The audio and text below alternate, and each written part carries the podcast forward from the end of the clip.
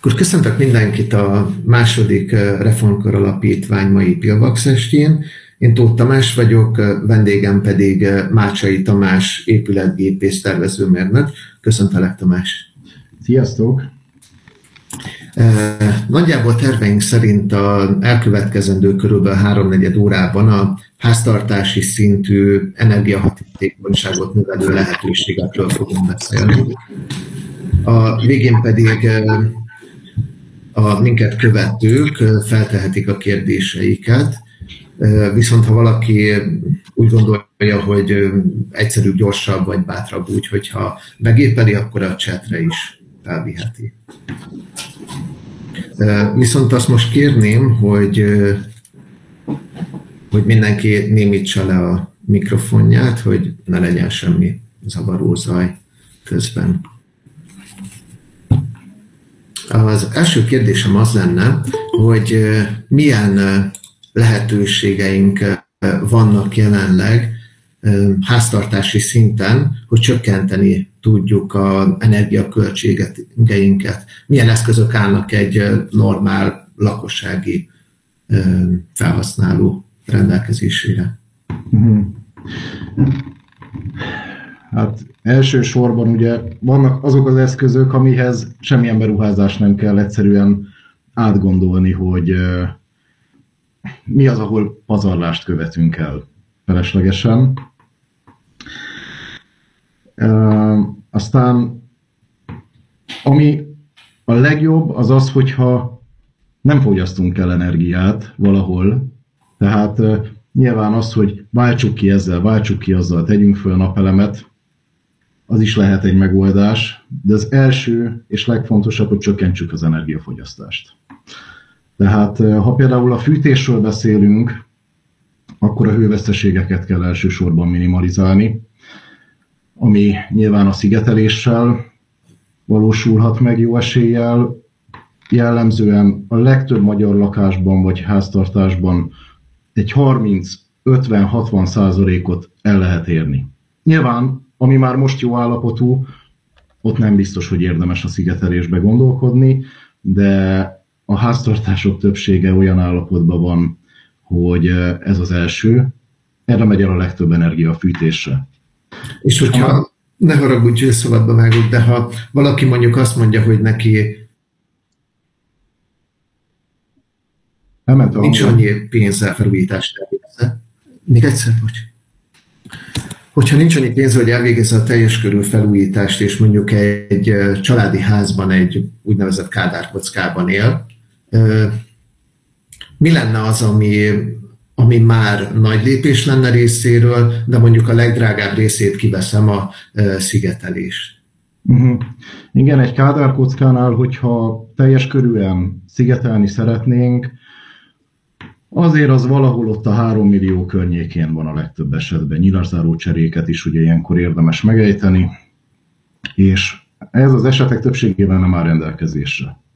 Hogyha a fűtésen szeretnénk mégis jelentősen spórolni, az egyik egy néhány tízezres beruházás az, hogy nézzük meg, hogy van-e olyan helység, amit túlfűtünk. Jellemzően ugye mi van? Van egy központi termosztát, és mondjuk gázkazánnal fűtünk, és központi termosztát alapján fűtjük az összes helységet, de ebből adódóan valószínűleg lesznek olyan helységek, amik feleslegesen túlfűtünk. Ha fölteszünk a radiátorra termosztatikus szelepet, szelepfejet, akkor azzal már egy néhány százalékot meg lehet spórolni, és az jellemzően egy kádárkockában néhány ilyen termofej, ezt néhány tízezer forintból meg lehet úszni.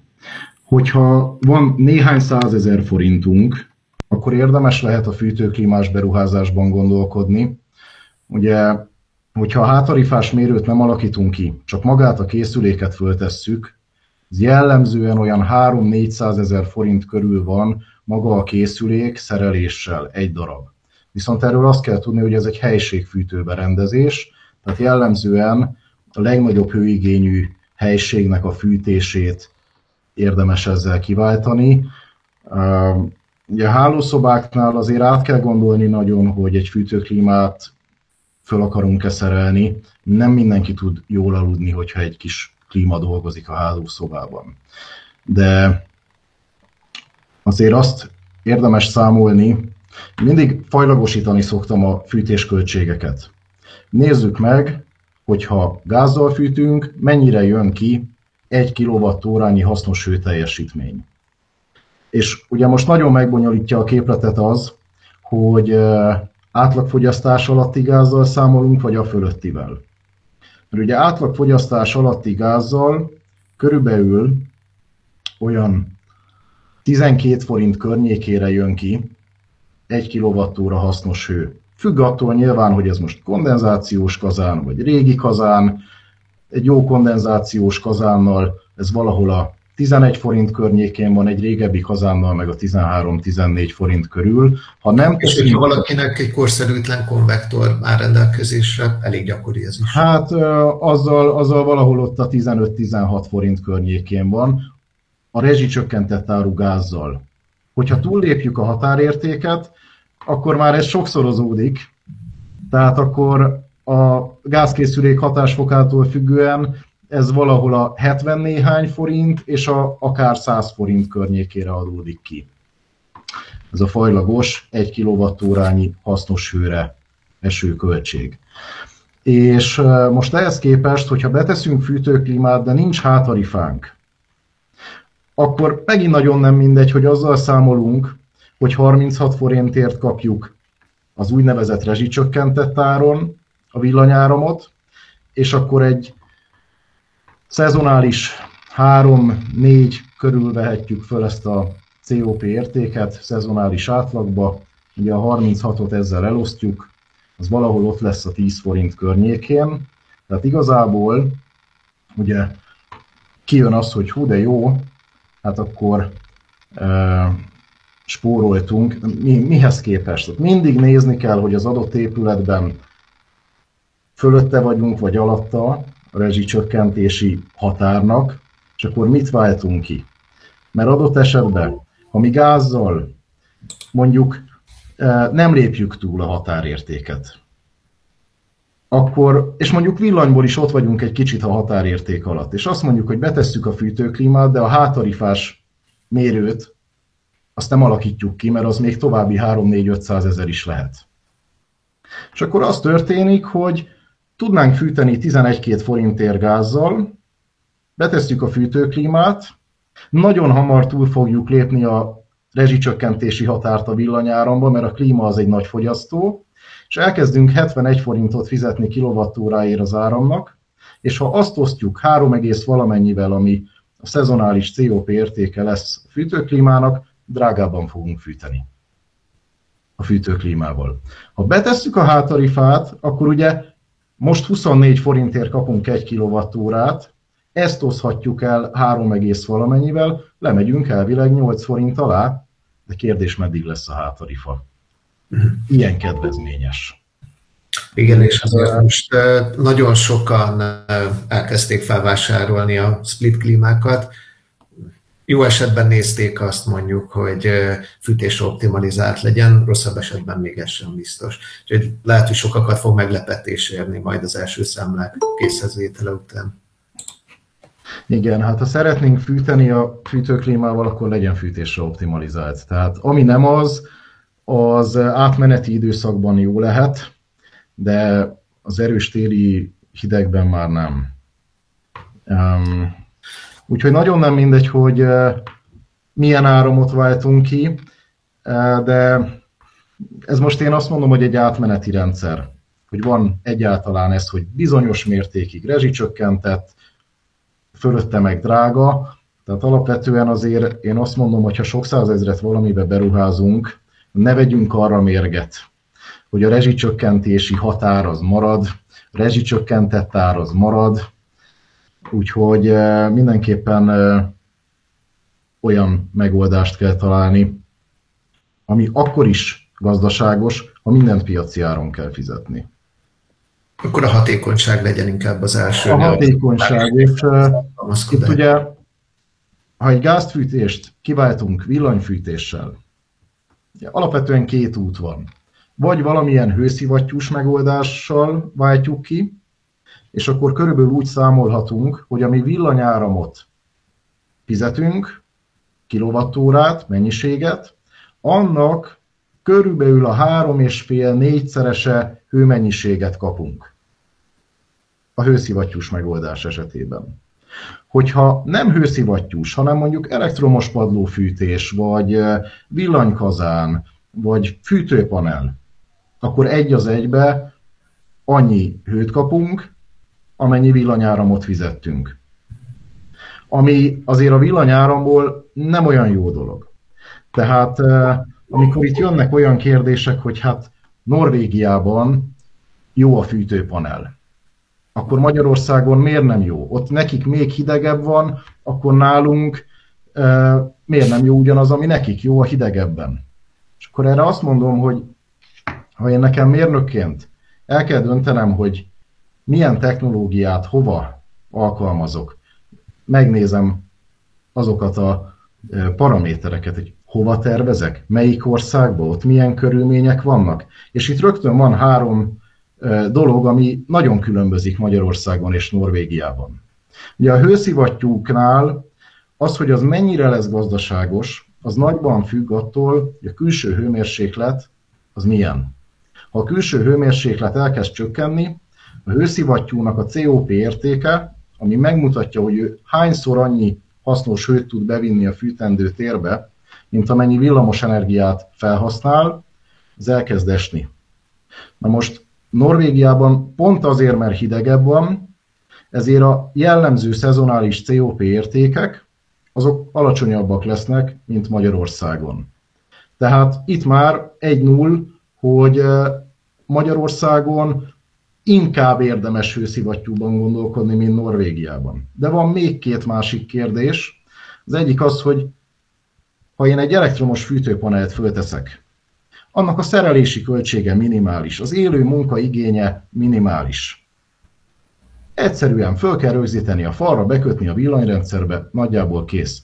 Ha én egy hőszivattyús rendszert csinálok, sokkal több csőszerelés kell, le kell hozzá mondjuk egy padlófűtéses rendszert tekerni, kell bele gépészeti helységben egyéb szerelések, bekötni mindenféle szerelvényt, ez sokkal több élő munkaerőt igényel. Az élő munka hol drágább? Norvégiába. Tehát a norvégnak megint kevésbé fogja megérni, mint a magyarnak elmenni a hőszivattyús irányba. De ami a legfőbb különbség, hogy kinek miből van a villamos energiája. És Norvégiában, ahol kb. 92% vízerőművekből van, 6% körül szélerőművekből, és további 2% körülbelül csak a foszilis alapú. Na innentől kezdve, ha én ott mondjuk egy gázfűtést kiváltok elektromos fűtésre, még hogyha az egy kevésbé jó hatékonyságú villamos fűtőpanel, akkor is azt érem el, hogy nem kell gázt égetni, el lehet adni mondjuk Európának, ha norvég szemmel nézem a világot, és közben felhasználom a számukra hazai, megújuló és olcsó vízenergiát. Ha Magyarországon gondolom ugyanezt, akkor mi történik a villamosenergia rendszerben? Azt a többlet igényt, ami azért jelentkezik, mert otthon én nem gázzal akarok fűteni, hanem villamos árammal, azt ki kell, igény, eh, ki kell elégítenie a magyar villamosenergia rendszernek. Ugye paksot nem tudják följebb kapcsolni, mint a maximális teljesítménye, tehát Paks jellemzően télen zsinór áramba folyamatosan adja a 2000 megawattot. A Mátrai erőműnél most ugye próbálják belőle a maximumot kihozni. Nyilván egy olyan erőműről beszélünk, ami már a tervek úgy szóltak, hogy kivezetjük, bezárjuk, lignit tüzelés megszűnik, most hirtelen mégis nagy szükség van rá, tehát ott se tudjuk nagyon följebb tekerni. Az a maximum körülbelül 860 megawatt, amit ki lehet belőle hozni, és nem 100% az üzembiztonság. Volt. Ez így, ha jól tudom, nagyjából nem hallak? 50-60 százalék a országos, hogy ez nagyjából 50-60 százaléka ugye az országos átlagfogyasztásnak normál körülmények között. Amit együtt ad a Paksi atomerőmű és a Mátrai lignit tüzelési erőmű, az körülbelül az ország fogyasztásának a fele, ha erre gondolsz, igen. Igen, igen, erre, erre. Igen. Na most ezen kívül Magyarországon ugye nagyon megnőtt a napelemes energiatermelésnek az aránya, de az nagyon időfüggő. Tehát vannak olyan pillanatok, amikor szép napsütéses idő van, 1600-1700 megawatt bejön a napelemes termelőktől. De nyilván vannak olyan pillanatok is, amikor értelemszerűen nulla. Tehát a napelemes termelőkkel ez a helyzet, és pont télen, amikor a fűtés miatt többletenergiára lenne szükségünk, a napelemes termelés azért az jóval alacsonyabb. És innentől kezdve, ha a fűtésnek az elektrifikációja miatt, hogy valamilyen módon ráállítjuk a fűtésünket, hogy villanyjal oldjuk meg, akkor ezt az országos hálózatnak ezt a többlet igényt ki tudja szolgálni. Ki kell, hogy szolgálja. Hogyan tudja kiszolgálni? Vagy a gáztüzelésű erőműveket terheli fel, tehát nagyobb teljesítményt onnan adunk ki.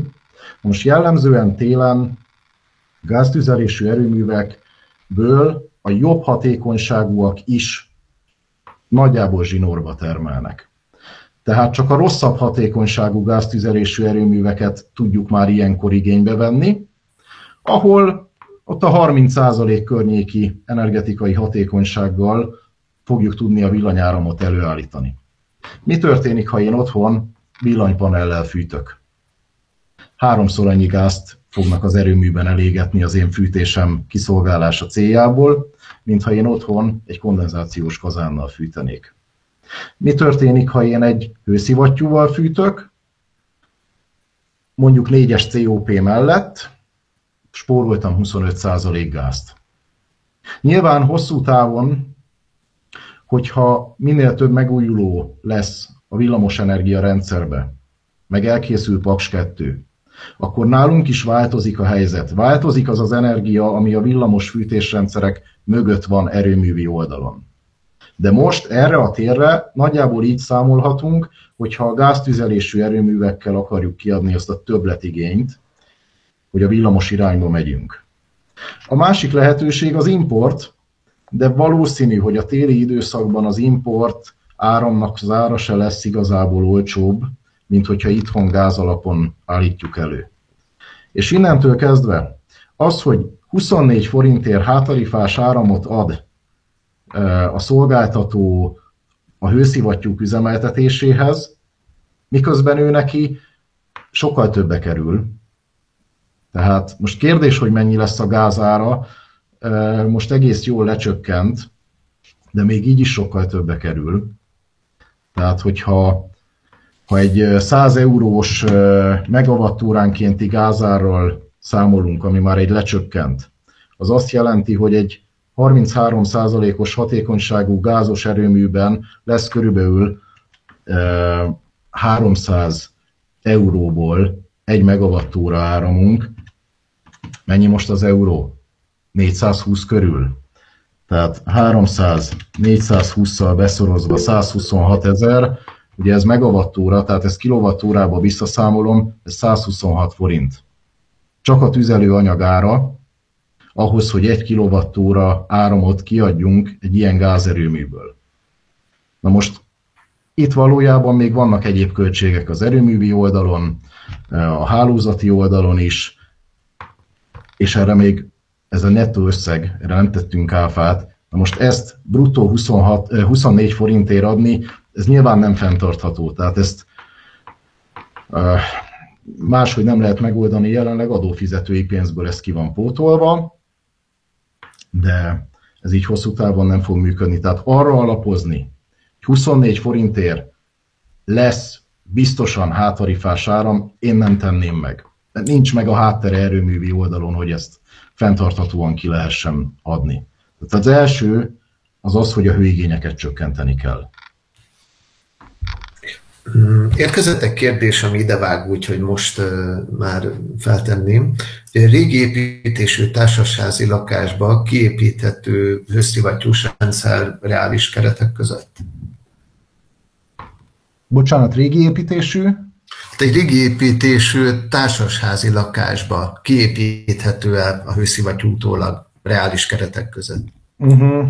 Tehát nem a társasház szeretné kiépíteni, hanem konkrétan egy lakást a tulajdonosa szeretne így fűteni. Igen, szerintem így gondolta. Hát a hőszivattyús rendszernél azért azt tudni kell, hogy annak van egy helyigénye. Tehát egy hőszivattyús gépészetnek mindig több a helyigénye, mint egy gázkazánosnak. Ott kellene, hogy legyen egy puffertároló hőszivattyú mellett. Ugye nem tudom, hogy eleve most vajon milyen fűtése van. A legtöbb esetben nem padlófűtés van. És egy radiátoros fűtés mellé betenni egy hőszivattyút, az azért nem az igazi. Mert amikor itt a COP értékekről beszélgettünk, ami azt mutatja meg, hogy hányszor annyi hasznos hőt visz be a fűtendő térbe, mint amennyi villanyenergiát elfogyaszt. Padlófűtés rendszer esetében ez lehet ott valahol a 3,5-4 körül. Viszont, hogyha nekünk radiátoros fűtésbe kell kiszolgálni, magasabb lesz a fűtési erőmre menünk.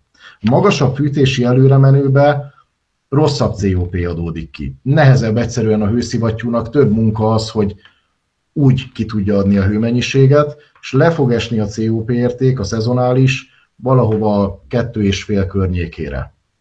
Körülbelül. És innentől kezdve már nem biztos, hogy gazdaságos lesz egy radiátoros rendszer mellett. És műszakilag amúgy megoldható lenne, mert azok a központi rendszerre vannak kötve általában. A legtöbb esetben igen. Nagyon sok eset van, inkább nehéz így azt mondani, hogy a legtöbb esetben. Tehát ugye lehet az az eset, amikor társasház van ugyan, de mindenkinek az egyedi fűtése van. Gázkazán, vagy akár konvektor. Nyilván itt a legkönnyebb egyedieskedni, de valószínű, hogy itt is műszakilag az a megoldható, hogy fűtőklímákat tegyenek be. A másik eset az, amikor van mindenkinek egy egyedi vízköre, és a lakásnak egy hőmennyiség mérőn keresztül van egy fűtési előremenő visszatérő bekötése. Ugye, itt még relatív köz, könnyen meg lehetne azt oldani, hogy egyedi fűtés legyen, ne kapjon ezen a hőmennyiségmérőn keresztül a lakás vízköre hőt, megoldja magának. De olyan is nagyon sok esetben van, amikor van mondjuk egy strang, megy az emeleteken keresztül, és minden egyes lakáshoz onnan be van kötve mondjuk néhány radiátor. Itt, eh, hogyha nem úgynevezett egycsöves rendszer van, akkor szintén tulajdonképpen technikailag megoldható, hogy azt mondjuk, hogy mi nem kérünk abból a vízből, átmegy továbbra is a cső, de nem lesz bekötve a radiátor. A legnagyobb probléma ott van, ahol az úgynevezett egycsöves rendszer van, de ezek azért már kezdenek kikopni, kezdik átalakítani ezeket a rendszereket, ugyanis az ilyen rendszerben az történik, hogy a víz, ugyanaz a víz folyik át az én radiátoromon, mint a szomszédén. És hogyha én azt kiveszem, akkor elzárnám a radiátoromat, a szomszédnak se jutna víz. Nyilván itt is meg lehet oldani, azt a radiátort akkor kikötjük. De annak azért már nagyobb hatása van a szomszédok fűtésére is, ott már mindenképp a társasházzal egyeztetni kell, ott már beszabályozási problémák lehetnek, mert az egyik strangon ott kevesebb lesz már a hőigény, mert az egyik lakó levált a rendszerről. A másik probléma, hogy azért egy hőszivattyúnál kültéri egységet is el kell helyezni, ami még azt mondom, egy sima split klíma kültérit a legtöbb helyen megoldható és engedik. Egy hőszivattyúnak már nem biztos, hogy egy társasháznál megoldható lesz, hogy a kültériét elhelyezzék, de, de a másik probléma az, hogy ha nem áll rendelkezésre saját gépészeti tér, nem biztos, hogy ki fogja tudni a szerelő alakítani. Akkor itt mindenképp az lenne a fontos, hogy megkérdenek egy vámiria lehetőségeket. A hangod nem jött át teljesen. Az lenne a fontos, hogy... Hogy ha valaki ilyenben gondolkodik, akkor kérje meg egy energetikai szakembert. Akkor ez lenne a lényeg, ugye, aki felméri a lehetőségeket. Az energetikai szakember az föl tudja neki mérni azt, hogy az épület szerkezete milyen, ahhoz, hogy érdemes hozzányúlni, mennyi lesz a várható fogyasztása felújítás nélkül, felújítás esetén, és különböző gépészeti rendszerek mellett, illetve el tudja mondani a véleményét, hogy milyen gépészeti rendszert javasol. De az, hogy konkrétan ott megvalósítható-e egy fűtés hőszivattyúval, ott már valószínű, hogy vagy egy gépésztervezőt kell fölkeressen, vagy gépész kivitelező, de mindenképp a gépész vonal, az energetikai mérnök az, hogy úgy mondjam, inkább a nagyképet látja az épület energetikából. Ő kiviteli szinten ebben nem fog belemenni, hogy most akkor ezt hogy lehet technikailag megoldani. Olyan fontos kérdésem lenne még, ami eh, manapság eh, elég sok foglalkoztat, az Mennyire lehetséges ez háztartási szinten megvalósítani? Tehát, hogy kevésbé vagy egyáltalán ne függjünk a központi hálózatoktól, akár áram, akár fűtés. Uh-huh. Igen. Ugye szaldó elszámolással megszoktuk azt a dolgot, hogy ha mi éves szinten megtermeljük magunknak a szükséges villamos energia mennyiséget, akkor nem kell fizetnünk, és az a mi saját villamos energiánk. Na most ez a gyakorlatban fizikailag nem így van. Tehát ugye fizikailag az történik, hogy mi termelünk energiát, amikor éppen a napelemes rendszerünk termelni tud, ami egyébként kettő dologtól függ. Az egyik az az, hogy süte a nap, a másik pedig az, hogy a hálózat ott éppen föl tudja elvenni a termelésünket. Ugyanis mi történik, ha mondjuk egymás mellett van három-négy nagy napelemes családi ház, mindenki elmegy otthonról, senki nem fogyaszt, nyomja föl a napelemes termelést a hálózatba a rendszer, túlemeli a feszültséget a megengedett határérték fölé, és ilyen esetben az inverter letilt kikapcsol. Nem, nem tölt föl többet, mert ha töltené, akkor nem lenne megfelelő minőségű a villamosenergia szolgáltatás az adott hálózati szakaszon, túl magas lenne a feszültség. Tehát lehet, hogy valakinek tudna termelni a napelem, mert süt a nap, mégse fog. Na de, mi történik ilyenkor? Az országos hálózatot használjuk, mint egy végtelen puffer. Most, hogyha akarjuk fogyasztani az energiát, akkor a szolgáltatónak biztosítani kell akár más forrásból is. Ő nem a mi energiánkat fogja eltárolni a valójában fizikailag, hanem jó esetben, vagyis ez éppenséggel egy rossz eset, de nagy valószínűséggel az fog történni, hogy egy gáztüzelésű erőművet fog fölterhelni. És én nappal, amikor olcsó az energia, mert sok a napelemes termelő, benyomtam a hálózatba a napelemes termelésemet, és utána este azt mondom, hogy kérem vissza, és a szolgáltató az följebb kell, hogy kapcsoljon egy gáztüzelésű erőművet, hogy ezt visszaadja. Na most, ameddig a gáznak az ára nem szállt nagyon-nagyon el, és megvolt a politikai akarat EU szinten arra, hogy minél több napelemes termelés legyen, addig ez működött, hogy gyakorlatilag lehetett ingyen használni az országos hálózatot, tárolni az energiánkat virtuálisan. Most ez kezd megszűnni, és így egyre inkább ki leszünk annak téve, hogy valójában az nem a mi energiánk. Ha nem akarunk a szolgáltatónak fizetni, akkor otthon kellene tárolni azt az energiát, amit megtermelünk, és otthon elfogyasztani. Tegyünk föl akkumulátoros rendszert, mondják. Rendben. 5 kW-os akkumulá- 5 kWh energiatárolásra alkalmas akus rendszer, valahol ott van a másfél millió forint környékén. Na most, és ez mire elegendő? Egy az arra elegendő, hogy nagyjából a napi, egy-két napi szinten kikompenzáljam azt, hogy én valószínűleg nem tudom tökéletesen a fogyasztásomat akkora időzíteni, amikor a termelésem van.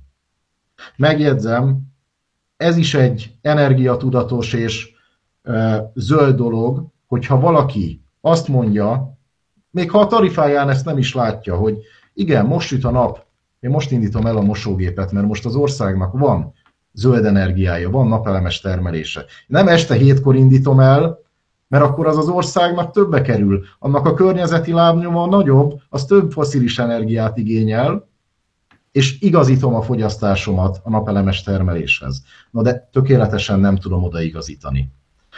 De egy aksis rendszerrel meg tudom azt csinálni, hogy egy-két-három nap szintjén kiegyenlítem a termelésem és fogyasztásom időbeli eltérését, és az aksi biztosítja azt, hogy én mondjuk este el tudom használni az az alatt megtermelt villanyáramomat, amíg mondjuk munkában voltam. De nem tudok eltárolni egyik évszakról a másikra.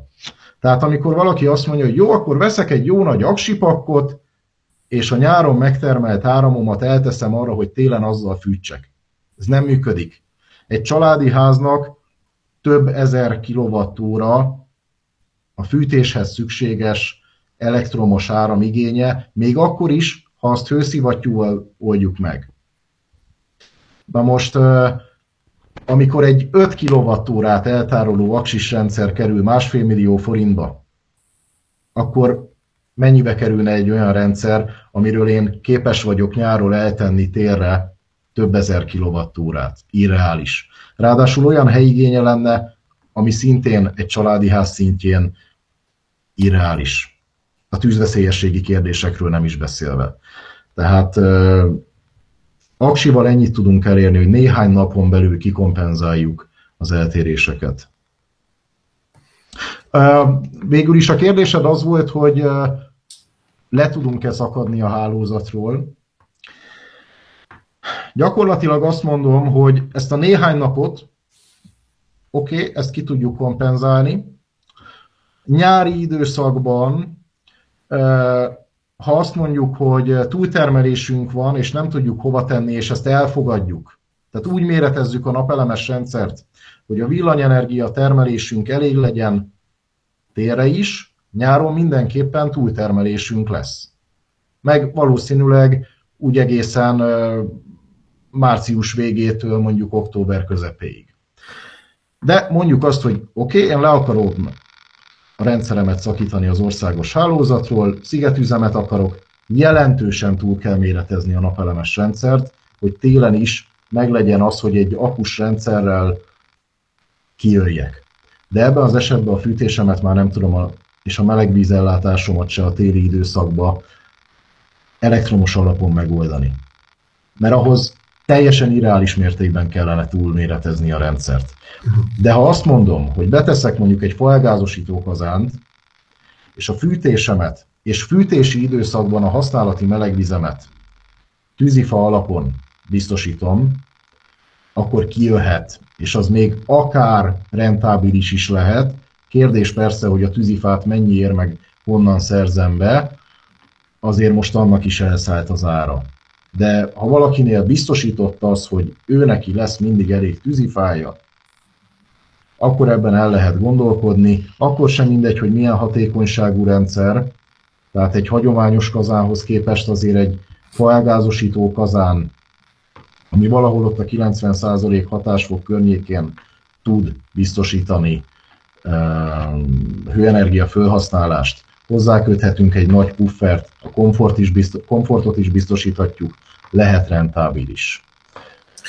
De akkor jól értem, hogy nagyjából el tudjuk érni a független. Viszont ez nem azt tehát a függetlenedés nem azt jelenti, hogy spórolunk hosszú távon, hanem csak függetlenedtünk, de ez nem feltétlenül lesz nekünk kevesebb kiadással járó beruházás. Igen, tehát azért, hogyha ezt csináljuk meg, fölteszünk egy drága napelemes rendszert.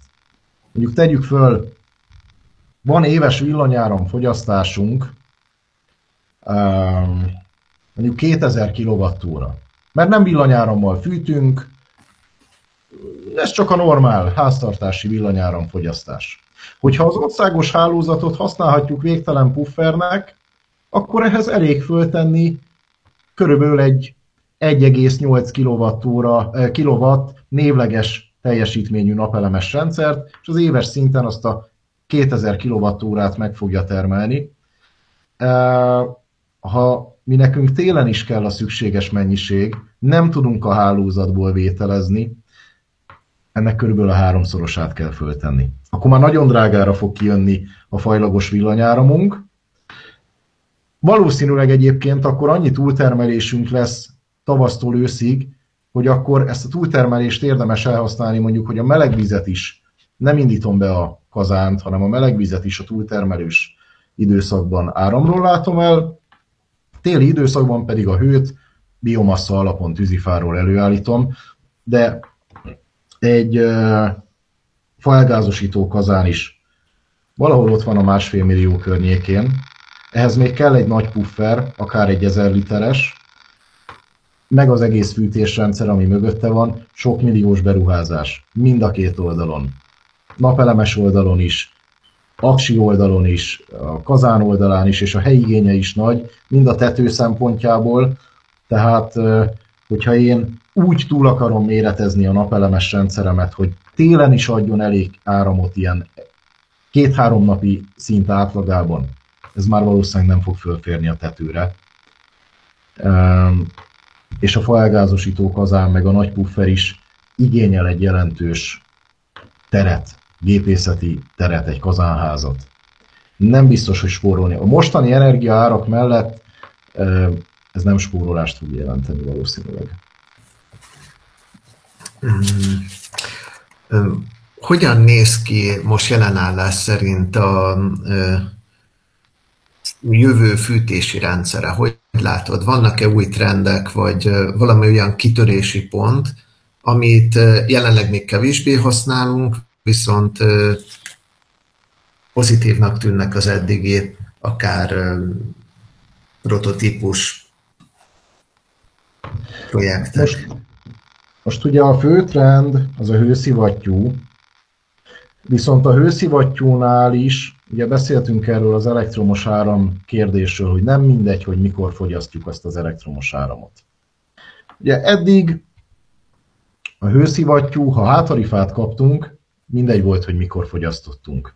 A geotarifánál ott már megjelent az, hogy van olyan, hogy csúcsidőszak, és a csúcsidőszakban drágább az áram, és ha én geotarifát kértem a hőszivattyúhoz, akkor az napi négy órában, amikor a legdrágábban tudná kiszolgálni a hálózat az igényemet, nem kapott a hőszivattyú áramot. És ez általában nem jelentett problémát, mert van egy padlófűtéses rendszer, egy hőszivattyú, annak is van általában egy puffere, az, hogy napi kétszer két órát kimarad az energiaellátás, nem fog kihűlni az alatt az épület. Na most én szerintem a jövőben egyre nagyobb jelentősége lesz annak, hogy a hőszivattyú akkor vegye föl az elektromos energiát, amikor az rendelkezésre áll, vagy saját forrásból, például napelemből, vagy abból a forrásból, hogy az adott pillanatban az országos hálózatban olcsóbb a villanyenergia. Tehát én szerintem egyre inkább okosodni fognak a hőszivattyús rendszerek, illetve minden olyan rendszer, ami villanyáramra alapul, és uh, itt egyrészt a tarifarendszert is ehhez át kell alakítani. Tehát azok a tarifák, amik most vannak, hogy mindegy, hogy mikor fogyasztottuk a villanyt, ennyi kilowattot fogyasztottunk, ennyit kell fizetni. Ez szerintem át fog alakulni, és ezt le fogja követni a gépészet is, és egy informatikai fejlesztés is szükséges, mégpedig az, hogy lássa a gépészeti rendszert szabályozó automatika azt, hogy a következő órákban, illetve napokban hogy változik a külső hőmérséklet, illetve hogy változik a várható áramár. És tudjon azzal kalkulálni, hogy a külső hőmérséklet függvényében egyfelől milyen lesz az energiaigény, meddig fér bele az, hogy én mondjuk éppen szüneteltetem a fűtést, vagy meddig érdemes egy kicsit túlfűteni, mert utána úgyis jön egy hidegfront, és jó lesz, hogy van egy kis tartalék az épületszerkezetekben, meg a pufferban. Illetve, hogy fog alakulni a COP? Ugye egy hőszivattyú esetén nagyon nem mindegy, hogy én akkor fűtöm föl a vizet, meg a padlófűtésben az, az egész szerkezetet a padlófűtés által, meg a puffert, amikor a külső hőmérséklet mondjuk 4 fok, vagy lemegy a nap, és egy pár órával később már lehet, hogy mínusz 4 fok. És nekem romlik a COP értékem. És ráadásul nem csak a COP értékem romlik, de még a napenergiám is elmegy. És egyébként, hogyha ezt nem veszi figyelembe a rendszer, akkor mi történik? Csak a termosztát alapján ő este fog bekapcsolni. Délután jó van, most jó meleg van, nem szükséges. És mondjuk este hétkor elindul, mert érzi, hogy most már hőigény van. Egy kicsit előre kell, hogy gondolkodjon a jövő rendszere, és mondja azt, hogy most olcsó az áram, most tudok jó COP-val, olcsó árammal hőt előállítani, akkor csinálom. És aztán majd kiadom a, hálóz, kiadom a, a fűtési hálózatába a háznak, amikor kell. Tehát az automatika az fejlődni fog szerintem, okosodni fognak a rendszerek, és ebbe bele kell érteni azt az összeköttetést is, hogy az időjárás előrejelzéssel, meg a villanyáram ár előrejelzéssel legyen összekötve a fűtési rendszer, illetve valószínű, hogy a puffer méretek is növekedni fognak, tehát hogy mekkora puffer az ideális egy hőszivattyús rendszerhez, amiben tárolni tudom a hőt addig, míg nem akarom kiadni. Hát ez, ez az irány szerintem egy, egy fontos irány lesz. Mondanék egy tévutat is, mert most nagyon sok helyen látom azt, hogy mennek az elektromos fűtőpanelek irányába, meg az elektromos kazán irányba. És ugye jelenlegi árszabás mellett, ha én emelt díjat fizetek a gázra, akkor drágában fűtök, mint a rezsicsökkentett árammal. Tehát mondhatja valaki azt, hogy hát nekem még egy elektromos hősugárzóval is olcsóbb a fűtésem, mint a gázkazánnal.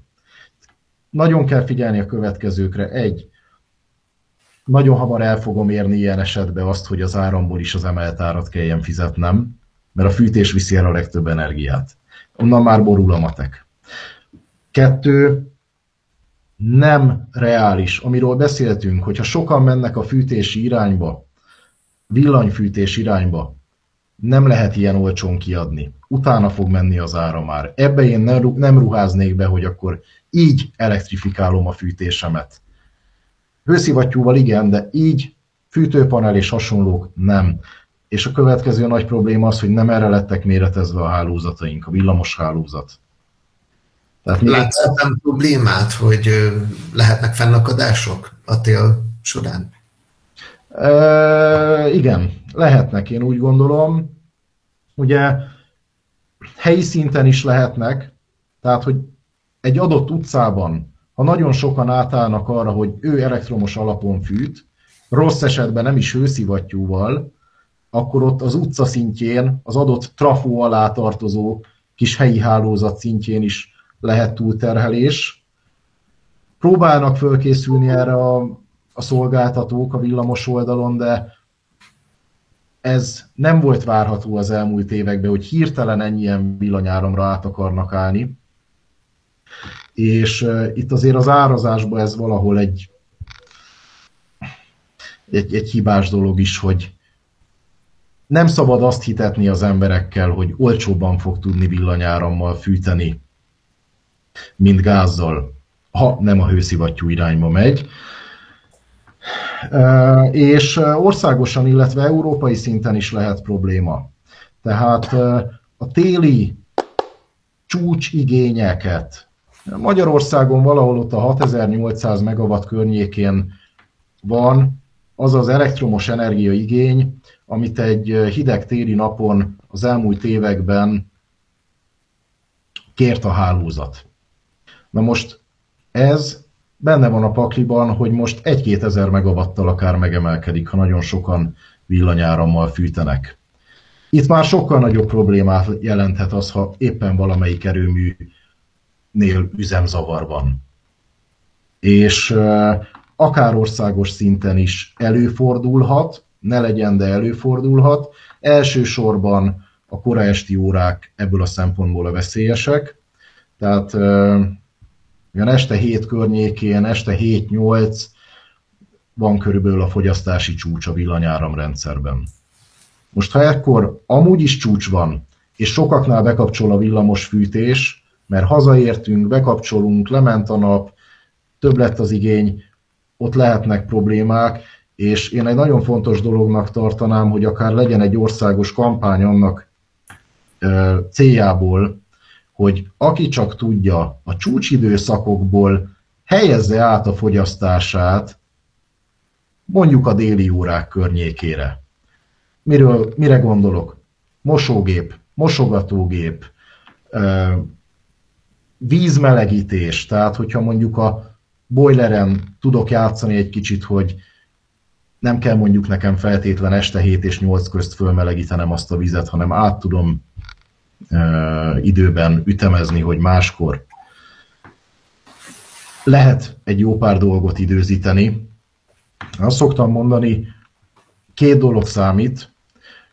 Az egyik az, hogy hétvége vagy hétköznap, nyilván a hétvégék országosan kisebb fogyasztási időszakok, tehát mondjuk egy ilyen sokat akarunk mosni és hasonló jobb az ország meg a környezet szempontjából, ha azt egy vasárnapi napra tesszük, és a másik pedig, hogy napon belül hova. Magyarországon főleg azt kell figyelembe vennünk, hogy jelentős napenergia termelés van-e, és azért a kb. 10-től 14-15 óráig időszakba érdemes időzíteni. És ezzel azt is elérjük, hogy ha akkor fogyasztunk, és nem a csúcsidőszakba, csökkentjük a veszélyét annak, hogy a csúcsidőszakban már nem fogja elbírni a hálózat. Felmerült bennem egy kérdés itt az időzítéssel kapcsolatban, ami hmm, szorosan ehhez nem kapcsolódik, de szokták csinálni reggel elmennek otthonról, és leveszik a fűtést mondjuk 18 fokra, hazamennek pedig felveszik 20-21 fokra. Szerinted mi a jobb, mi a hatékonyabb a fűtés szempontjából, hogyha hogyan járunk el? Ja, a hőveszteségét az épületnek mindenképpen csökkenteni fogja az, hogyha azokban az órákban, amikor nem igényeljük, akkor nem tartjuk annyira melegnek a házat. Na most, hogy valójában spórolunk-e, az már nem annyira biztos. Azért nem, mert ha ez idő alatt viszont a felületeink, a falak, az épületszerkezet lehűl, akkor az a hőmérséklet, amit ott érzünk szobába, az alapvetően kettő dologból tevődik össze. Az egyik, hogy valójában hány fokos a levegő, másik, hogy a minket körbevevő felületek hőmérséklete milyen. És ha a hőmérséklete a felületeknek alacsonyabb, akkor túl fogjuk egy kicsit a levegőt fűteni azért, hogy ugyanaz legyen a hőérzetünk, mint hogyha a felületek hőmérséklete ugyanaz maradt volna, mintha nem vettük volna vissza. Tehát nagyon jelentős megtakarítást ezzel nem biztos, hogy elérünk, egy kicsit igen, de megint itt bejön a képletbe az, hogy Érdekes nekünk, hogy mikor fogyasztunk.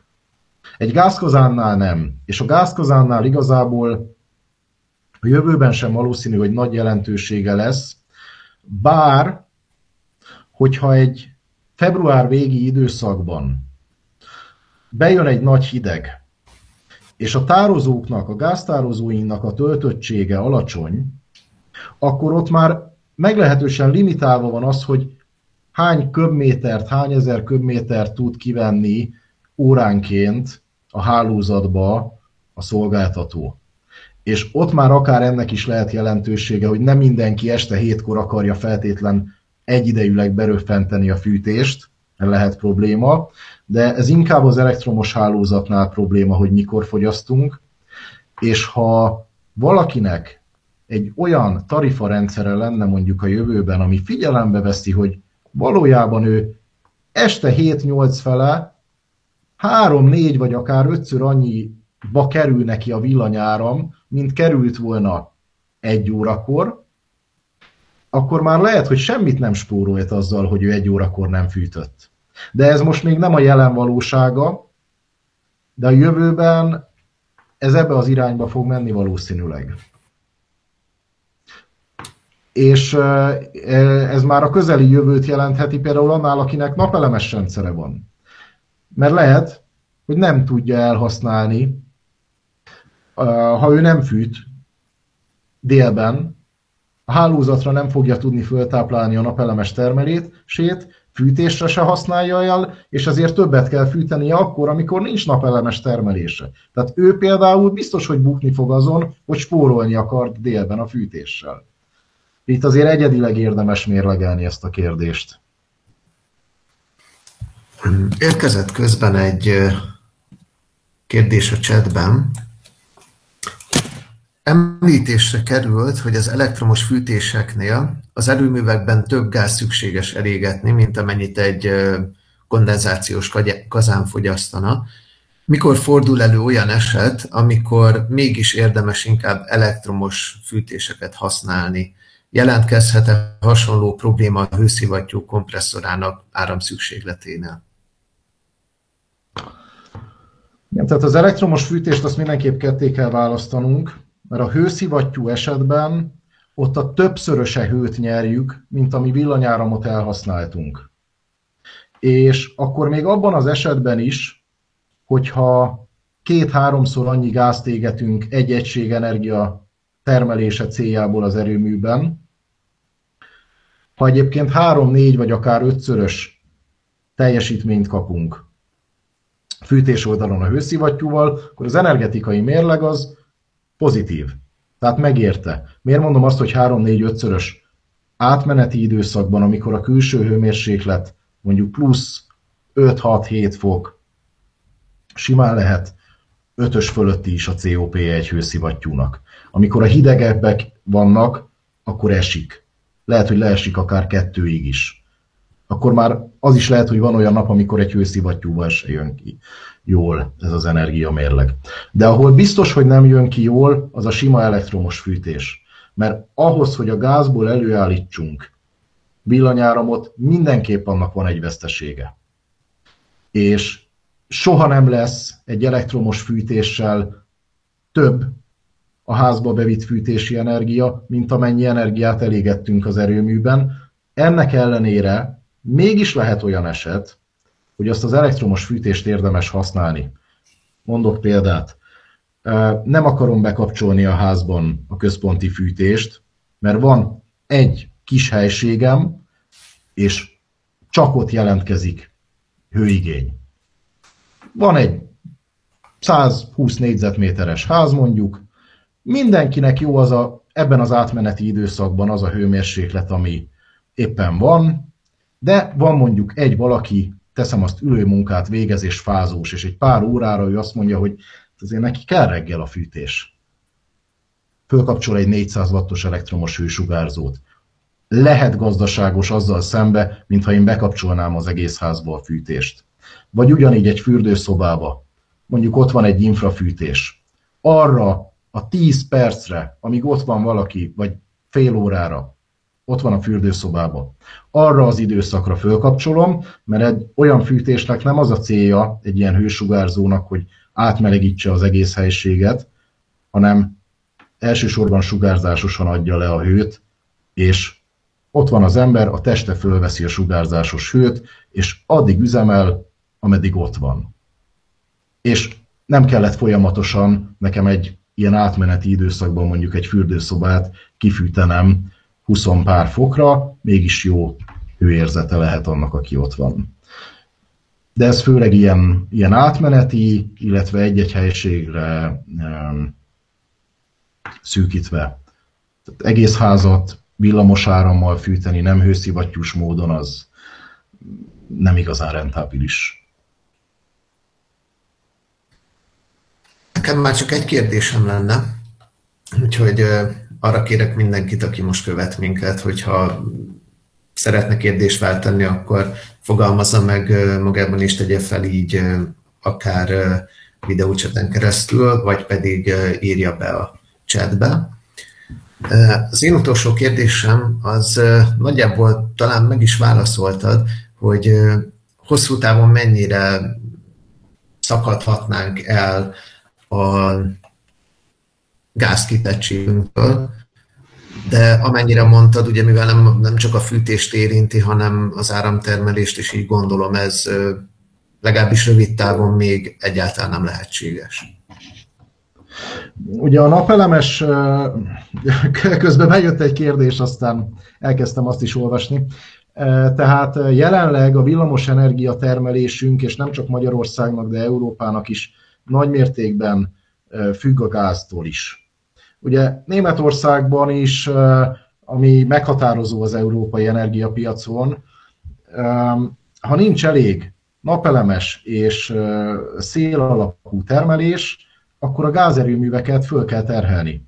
A gázban az technikailag az előny, hogy nagyon gyorsan föl tudom a gázerőművek teljesítményét emelni, és mondjuk egy hirtelen kieső megújuló termelést nagyon gyorsan pótolni tud.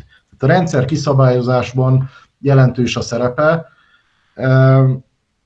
Ezt mindenképpen a jövőben meg kellene oldanunk máshogy, de ez nem egy egyszerű dolog.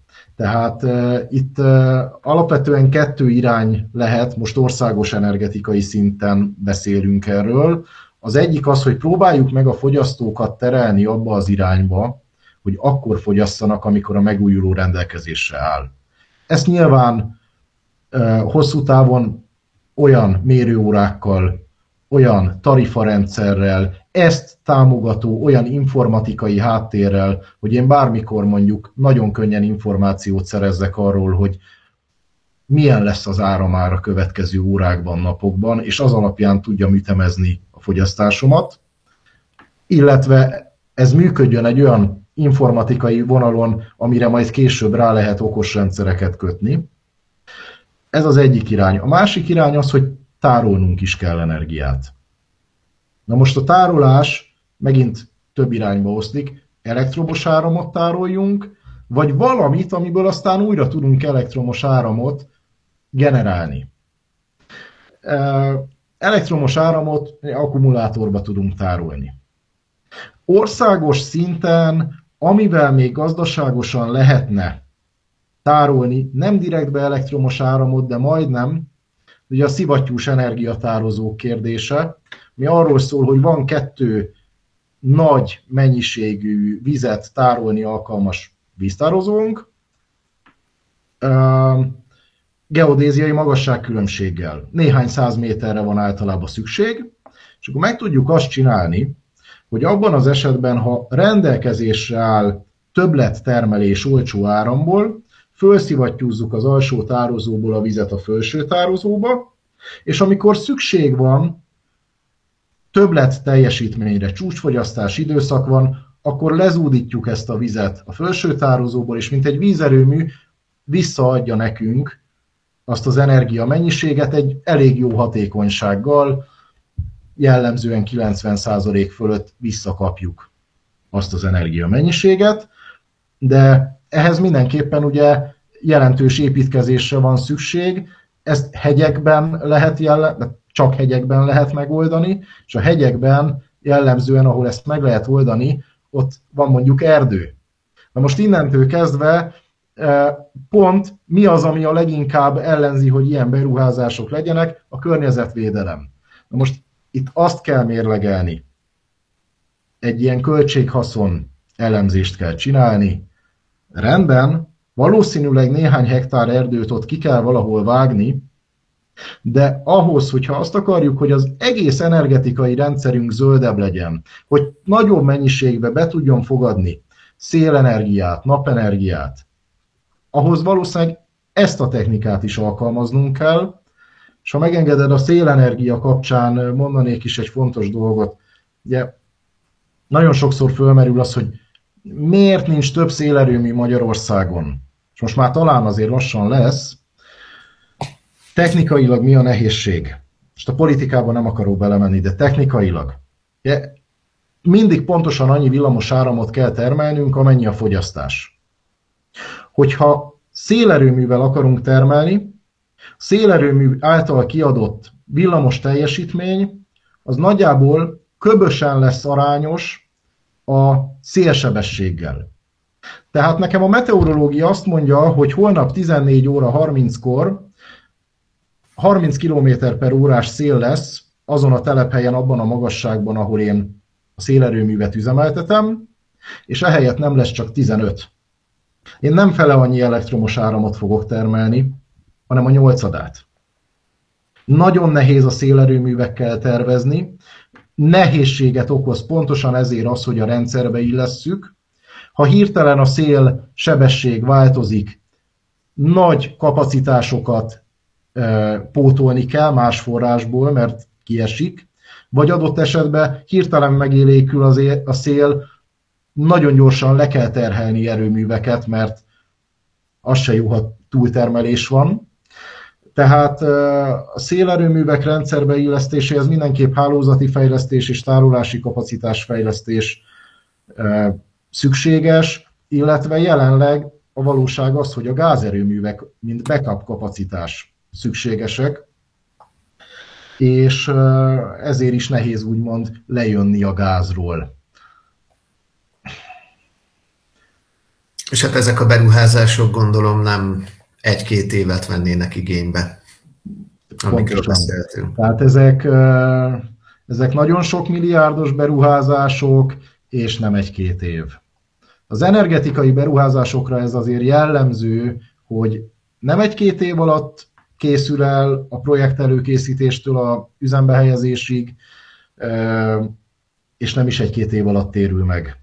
Tehát itt vannak olyan projektek, ahol 10-20 akár még több éves megtérülésben kell gondolkodni, és ezek a projektek nagyon sok esetben piaci alapon nagyon nehezen is lennének finanszírozhatóak, de nyilván, ha egy országnak érdeke, hogy legyen ellátásbiztonság, legyen országos szinten gazdaságos villamos energiaellátás, és az a villamos energiaellátás amennyire csak lehet legyen környezetileg is fenntartható, akkor ezeket a pénzeket a rendszerbe bele kell az adott államnak tennie.